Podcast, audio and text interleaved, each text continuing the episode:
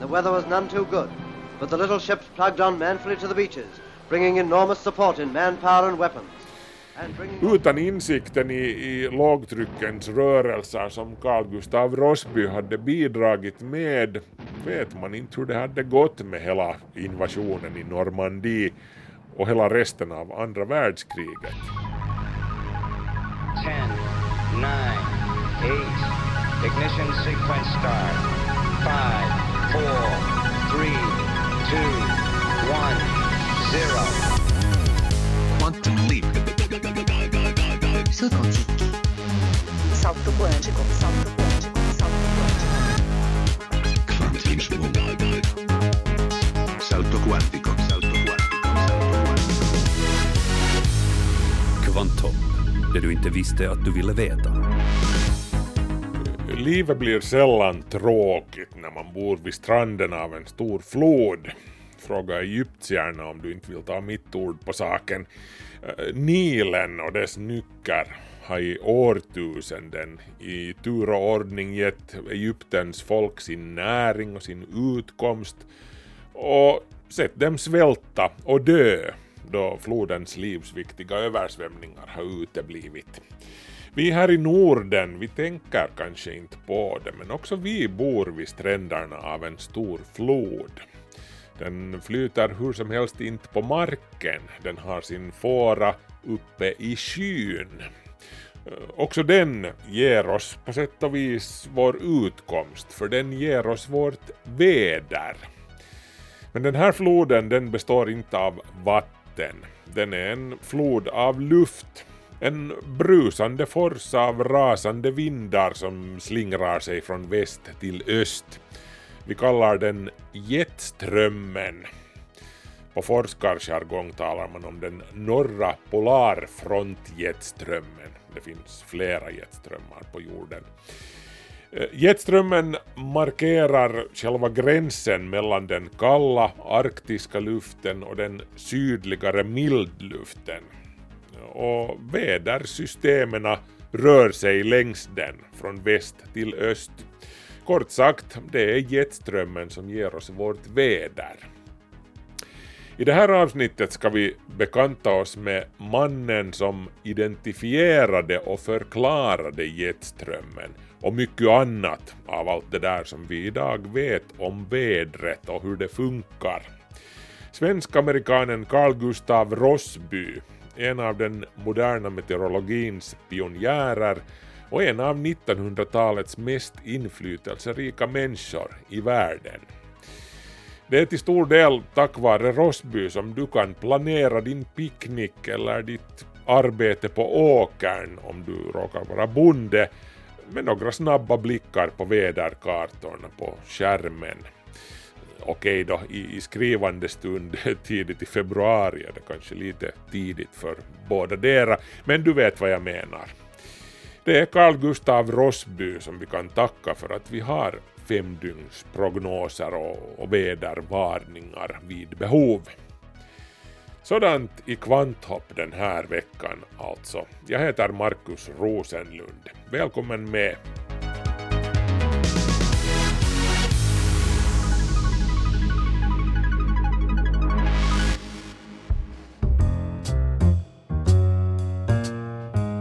Våren 1919 stod den unge studenten Carl Gustav Rossby vid ett vägskäl i sitt liv.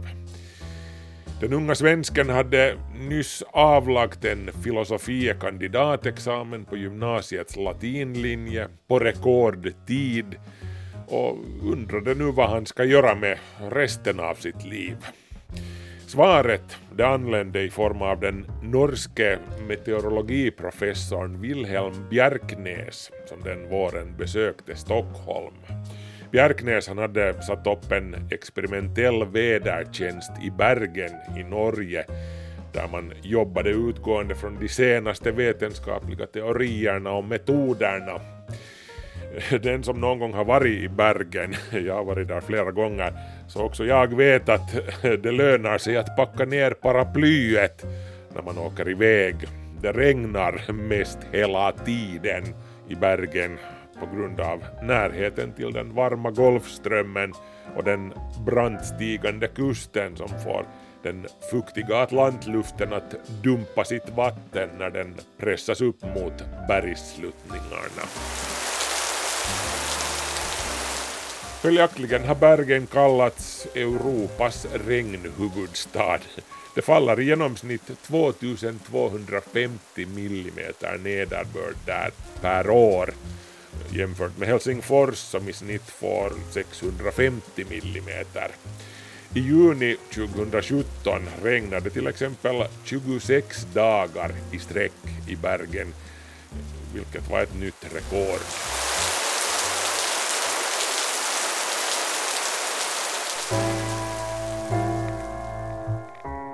Och 1918 grundades alltså en ny vädertjänst i Bergen ledd av fysikern och meteorologen Wilhelm Bjerknes. Syftet med tjänsten var att förbättra väderprognoserna till jordbrukarna i Norge. För att åstadkomma det här skapar man en teoretisk modell, cyklonmodellen, som förklarade ett lågtrycksliv på våra breddgrader. Hur lågtrycken bildas, hur de vandrar över hav och land och hur de slutligen dör. Det kan nämnas som en intressant parentes att den här tidens väderterminologi rätt långt hade lånats in från första världskrigets militärjargong det här var alltså strax efter första världskrigets slut. Vädersystemens utveckling sågs därför som en kamp längs så kallade fronter mellan kalla och varma luftmassor. Och de här begreppen är ju fortfarande i användning. Hur som helst, med en tillräckligt bra analys av utgångsläget kunde Bjerknes och hans kollegor göra ganska träffsäkra prognoser som sträckte sig några dygn framåt i tiden. Något som verkligen inte var en självklarhet på den här tiden. Och de här metoderna som introducerades i Bergen de användes sedan för väderprognoser i långa tider ända tills datorerna blev tillräckligt kraftfulla för att ta över grovjobbet. Den vetenskapliga meteorologin indelas än i denna dag i tre huvudriktningar kallade Bergenskolan, Wienskolan och Chicagoskolan.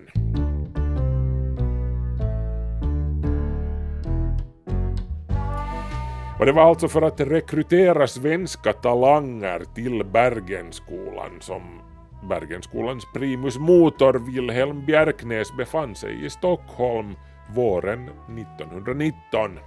Bjerknes hade under unionstiden varit professor i Stockholm och hade många kontakter i stan.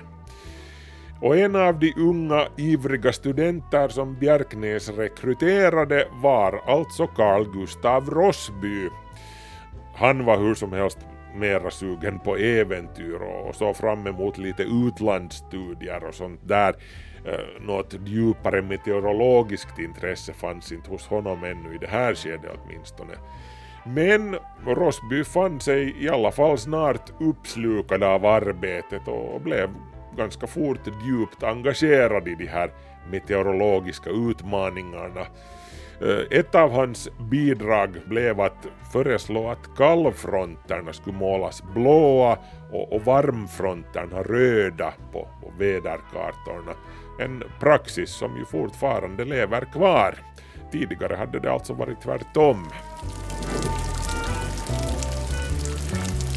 Efter ett par år i Bergen och ett halvår i Berlin och Leipzig återvände Rosby till Stockholm där han tog anställning vid Statens meteorologisk hydrografiska anstalt, det som vi numera känner till som Sveriges meteorologiska institut, det vill säga SMHI. Rosbys äventyrslystnad var det inte slut på med det här. Eh, den fick honom att delta i forskningsfartyget Konrad Holmboes riskfyllda expedition till östra Grönland 1923 eh, för att visa hur Bergenskolans metoder kunde ge bättre prognoser åt sjöfarten arbetade han också som meteorolog på skolskeppet af Chapman under somrarna 1924 till 25.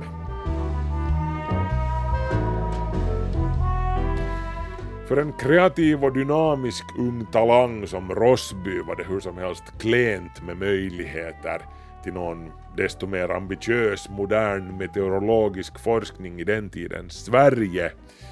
Så på förslag av fysikern och nobelpristagaren Svante Arrhenius fick Rossby ett stipendium från Sverige-Amerika-stiftelsen för ett halvt års studier i USA.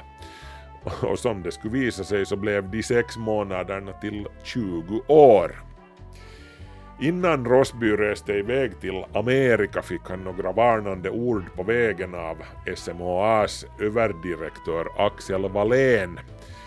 Wallén sade er äventyrliga och ibland självsvårdliga läggning kommer att se till att ni antingen går en storslagen framtid till mötes eller hamnar i fängelse.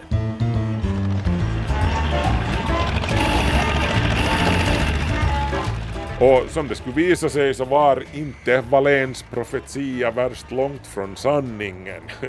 Nej, Rosby hamnade inte i fängelse, han gick de facto en ganska så storslagen framtid till mötes. Men Rosby var en provokativ och lite radikal typ med stor käft. Han gillade att tänka utanför lådan och tänka högt dessutom och röra om i myrstacken och det hjälpte åtminstone inte alltid Rosby i karriären, om vi säger så. Men det började bra. 1926 engagerades Rosby av den amerikanska vädertjänsten United States Weather Bureau, föregångare till dagens NOAA, Amerikas eget meteorologiska institut. Uh, Rosbys uppgift var att lära de amerikanska meteorologerna göra väderprognoser enligt de metoder som hade tagits fram i bergen under Wilhelm Bjerknäs ledning. Väl installerad på Weather Bureau försökte Rosby sen enligt bästa förmåga sälja sina moderna europeiska idéer om atmosfäriska diskontinuiteter och polarfronten och och luftmassornas turbulens och allt det där till kollegorna. Dessvärre föll det här inte i god jord. Rosby blev inte populär, om vi uttrycker saken så. Medan han var på Weather Bureau hann Rosby också med att starta den första väderlekstjänsten för civilflyget någonsin. Eh, flygbranschen låg ju i startgroparna kring den här tiden.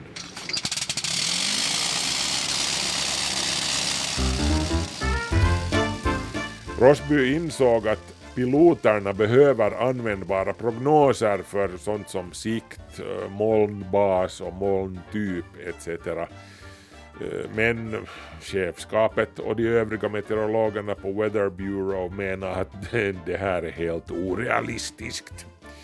Så Rosby och hans arbetsgivare de hamnade snabbt på kollisionskurs Rosby gjorde inte saken bättre direkt genom att ta det hela i egna händer och, och inleda ett inofficiellt samarbete direkt med piloterna utan att be om lov av cheferna. Bidding farewell to his mother, Charles Lindbergh climbed aboard the Spirit of St. Louis, the plane he helped design. Först försåg Rosby upptäcktsresanden och atlantflygaren Richard Byrd med en icke-auktoriserad flygväderprognos. Eh, sen levererade han en prognos åt Charles Lindbergh inför en flygning till Mexiko. Och det här blev för mycket för bossarna på Weather Bureau som gav sparken direkt åt Rosby. Men det hela stannade inte där. I ett telegram till samtliga regionkontor i USA beordrade man alla anställda att under inga som helst omständigheter ha något samarbete med Carl Gustav Rossby. Så det så.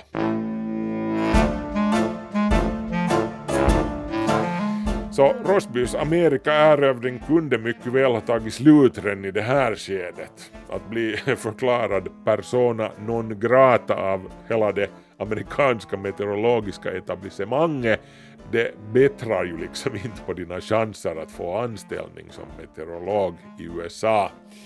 Men Rosby hade tur. Mäktiga kretsar inom den privata flygindustrin hade hunnit få ögonen på den driftiga unga svensken. För dem innebar ju naturligtvis träffsäkra flygväderprognoser reda pengar. Och så en dag kom det ett brev från den privata Guggenheim-stiftelsen, Guggenheim Foundation, som hade planer på att upprätta en experimentell flygvädertjänst i Kalifornien. Yes please, sade Carl Gustav Rossby och styrde västerut.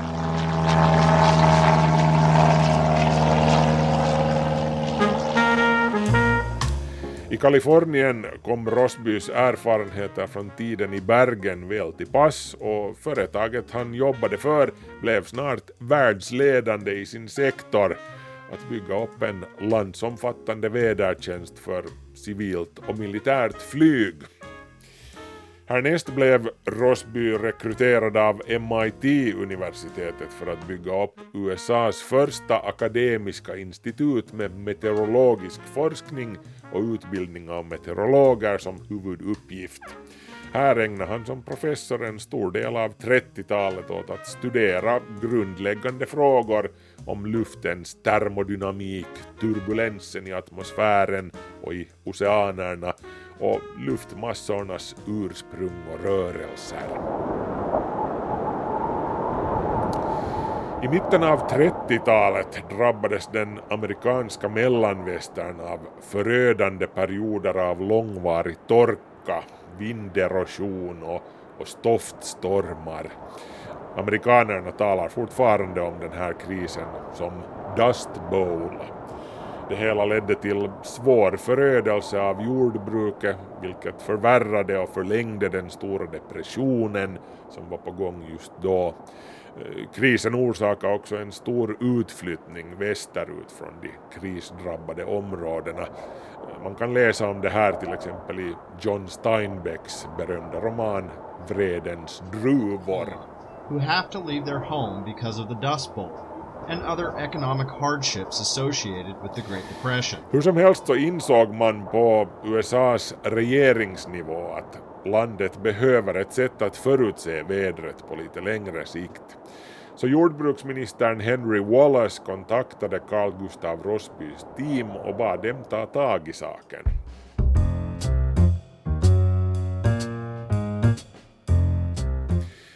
Genom kartläggning av det storskaliga vädret över norra halvklotet och studier av jordrotationens inverkan på det hela kunde Rossby 1939 påvisa existensen av vidsträckta låg och högtrycksområden som följer helt andra regler än de mindre hög och lågtrycksområden som vi förknippar med de dagliga vädersvängningarna. Vågformeln som Rossby utvecklade för det här ändamålet var helt banbrytande eftersom Rossby utgick från ett hemisfäriskt scenario, halvklotsscenario, där vädersystem på en plats delvis är förknippade med vädersystem långt borta. Allt påverkar allt annat liksom. Det här är någonting som vi tar för givet idag att det som sker med vädret på ett ställe kan inverka på vädret långt borta. Men på 30-talet var det här en helt ny insikt.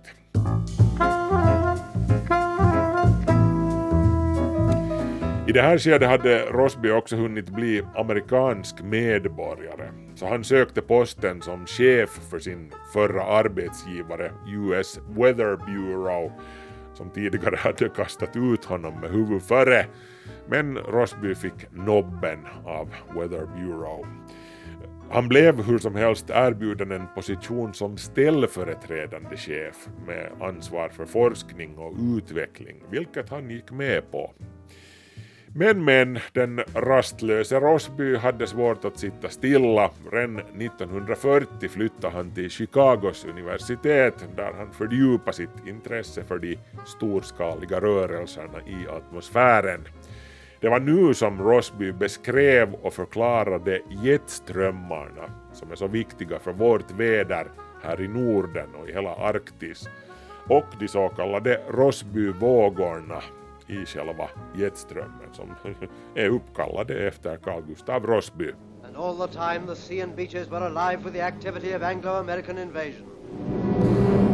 Under andra världskriget hann Rossby också med att fungera som meteorologisk rådgivare åt själva presidenten och USAs högsta krigsledning. Han administrerade också rekryteringen och, och utbildningen av militära meteorologer. Man behöver ju liksom knappast påpeka hur viktiga väderprognoser är när det gäller att tajma Eh, saker som flygräder eller stora anfall i stil med D-Day, det vill säga landstigningen i Normandie, dagen D. Faktum är att det var meteorologerna som avgjorde tidpunkten för själva dagen D. Prognoserna från brittiska Met Office utlovade så uselt väder att invasionen sköts fram med ett dygn från den 5 till den 6 juni 1944. The weather was none too good, but the little ships plugged on manfully to the beaches, bringing enormous support in manpower and weapons. Utan insikten i, i lågtryckens rörelser som Carl Gustav Rossby hade bidragit med vet man inte hur det hade gått med hela invasionen i Normandie och hela resten av andra världskriget. Analyser av tyskarnas väderkartor från samma tid har visat att det, det här som de allierade meteorologerna visste, det, det här var alltså kunskap som Hitlers sida helt saknade. Tyskarna de hade inte lyckats knäcka de allierades koder, så de, de hade ingen aning om luftmassornas rörelser ut över Atlanten just då, i början av juni 1944. Som man säger, kunskap är makt. Och just då satt de allierade på klart bättre kunskap om det strategiskt sett otroligt viktiga vädret. Och så gick det som det gick sen. after four years, the commander of the Allied field forces stands on the soil of France. Efter kriget fortsatte Carl Gustav Rossby jobba vidare på sina vädermodeller i Chicago. Anne, eftersom datorerna kom med i bilden. Började han också tillämpa sina matematiska modeller på elektroniska beräkningar av väderprognoser. Med vägledning från Rossby lyckades man tillämpa Rossbys vågformel på de nya inom citat matematikmaskinerna, datorerna alltså, och på så vis göra exakta beräkningar av förväntade atmosfäriska strömningar 24 timmar framåt i tiden. Det här var alltså någonting som väckte en stor skepsis till en början, men när beräkningarna, alltså väderprognoserna, visade sig stämma överens med verkligheten blev Rossbys teori allmänt erkänd. Rossbys vågekvation har sedan dess fått lite av samma ikoniska status inom meteorologin som Einsteins ekvation E är lika med mc i kvadrat har inom fysiken eftersom den kort och elegant sammanfattar flera nyckelbegrepp.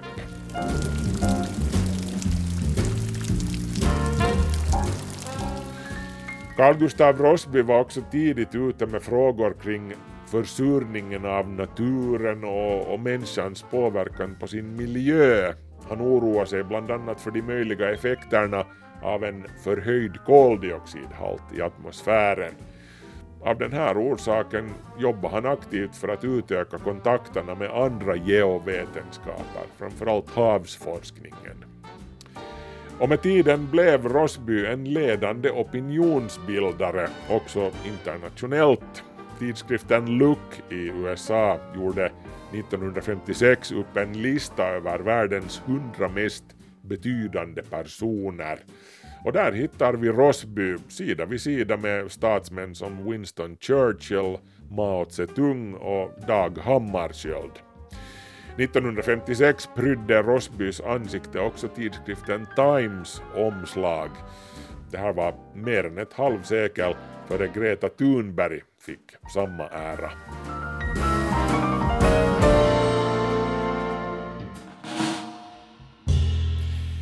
Som människa sägs Carl Gustav Rosby ha varit en, hur ska vi nu säga, en lite konfliktfylld personlighet. Å ena sidan var han en charmant och sprudlande sällskapsmänniska. Med sin humanistiska bakgrund var han väl bevandrad i både moderna och klassiska språk och han älskade diskussioner om musik, litteratur och konst. Men å andra sidan var han mer reserverad när det kom till sådana sidor av sin personlighet som han ville hålla för sig själv. Rosbys närmaste vänner visste att han ofta kunde vara modfälld och osäker på sig själv. Och han sägs som sagt också ha varit en rätt så rastlös typ både i yrket och privat. Han sa själv att han skulle tyna bort om han inte stimulerades av nya problem, nya åsikter och, och nya miljöer. Rosbys, hur ska vi säga, informella arbetsstil och hans ointresse för budgetfrågor och, och byråkratiska procedurer gjorde att han trots sin vinnande personlighet ofta fick trubbel med sina chefer. Hans bristande grepp om ekonomiska frågor ledde också till personliga penningproblem för Carl Gustav Rossby. Men han hade hur som helst väldigt många starka sidor som vetenskapsman. Kanske den främsta av dem var att han på ett konstruktivt sätt kunde förenkla teoretiska problem och, och få praktiska resultat ur högtflygande teorier och, och formler.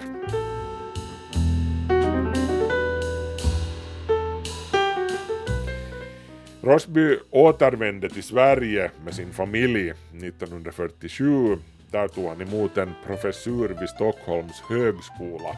Med sig i bagaget hade han kunskapen om utnyttjandet av de så kallade matematikmaskinerna, alltså datorer, för väderprognoser. Sverige blev därmed 1954 det första landet i världen som kunde starta en operativ prognosverksamhet. Vi har ett stråk med skurar som kommer att röra sig norrut här under eftermiddagen och vi ser in på eftermiddag kväll. Sommaren 1957 var Carl Gustav Rossby i färd med att ännu en gång lämna Sverige, den här gången för att starta ett meteorologiskt centrum i Beirut för studier av ökenklimat. Men så långt kom han aldrig. Omgiven av sina unga medarbetare på sin institution i Stockholm avled Carl Gustav Rossby den 19 augusti 1957. Han lämnade meteorologin med fötterna före och stövlarna på, kan man säga. Medan Rosby ännu levde mot slutet av sin karriär hade han hunnit tilldelas höga hedersbetygelser och, medaljer från Royal Meteorological Society och det amerikanska meteorologisamfundets finaste utmärkelse, den fick han också eh, som sedan 1963 heter Carl Gustav Rossby-medaljen på den tiden hette utmärkelsen Award for Extraordinary Scientific Achievement. Men Carl Gustav Rossby han har också fått mycket annat än medaljer uppkallat efter sig. Eller vad sägs om begrepp som Rossby våg, Rossby radie, Rossby nummer och Rossby regim, vilka alltså samtliga är namn på olika företeelser i atmosfären och i världshaven. Av de här begreppen är antagligen Rossbyvågorna de bäst kända. Eh, Rossbyvågor är alltså krumbukter i jetströmmen. Och jetströmmen är alltså den här snabba luftströmmen som pilar runt jorden på mellan 9 och 12 kilometers höjd. Den här strömmen har fått sitt namn, jetströmmen, alltså från att jetplanen liftar med den när de kommer över från Amerika till Europa de sparar bränsle och tid på det viset. Eh, jetströmmen rör sig alltså från väst till öst här ovanför våra huvuden ungefär vid den 60 breddgraden. När jetströmmens Rossbyvågor växer sig tillräckligt stora då, då kan alltså varm luft bilda lågtryckssystem i veckens vågdalar. Eh, lågtrycken de roterar alltså moturs här på norra halvklotet. På samma sätt kan kall luft sedan bilda högtryckssystem i, i Rossbyvågornas vågtoppar. Högtrycken roterar i sin tur medurs. Och de här systemen som kommer och går, de, de präglar sedan vädret an eftersom Rossbyvågorna rör på sig. Och nu på sistone har det börjat bli allt mer uppenbart att det allt varmare Arktis och de minskade temperaturskillnaderna mellan Nordpolen och ekvatorn gör jetströmmen trögare och, och Rossbyvågorna blir större och långsammare.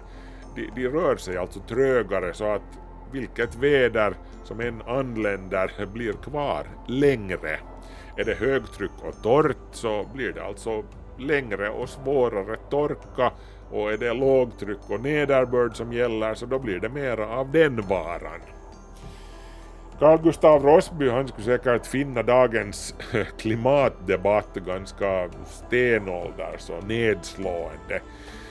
Men han skulle helt säkert ta själva vetenskapen bakom och, och kampen mot den globala uppvärmningen som en superintressant utmaning att kasta sig huvudstupa i. Vi skulle ha användning för hans briljanta hjärna just nu. Men åtminstone har vår tids meteorologer och klimatforskare Carl Gustav Rossbys rika vetenskapliga arv att luta sig mot. Och det är inte illa alls.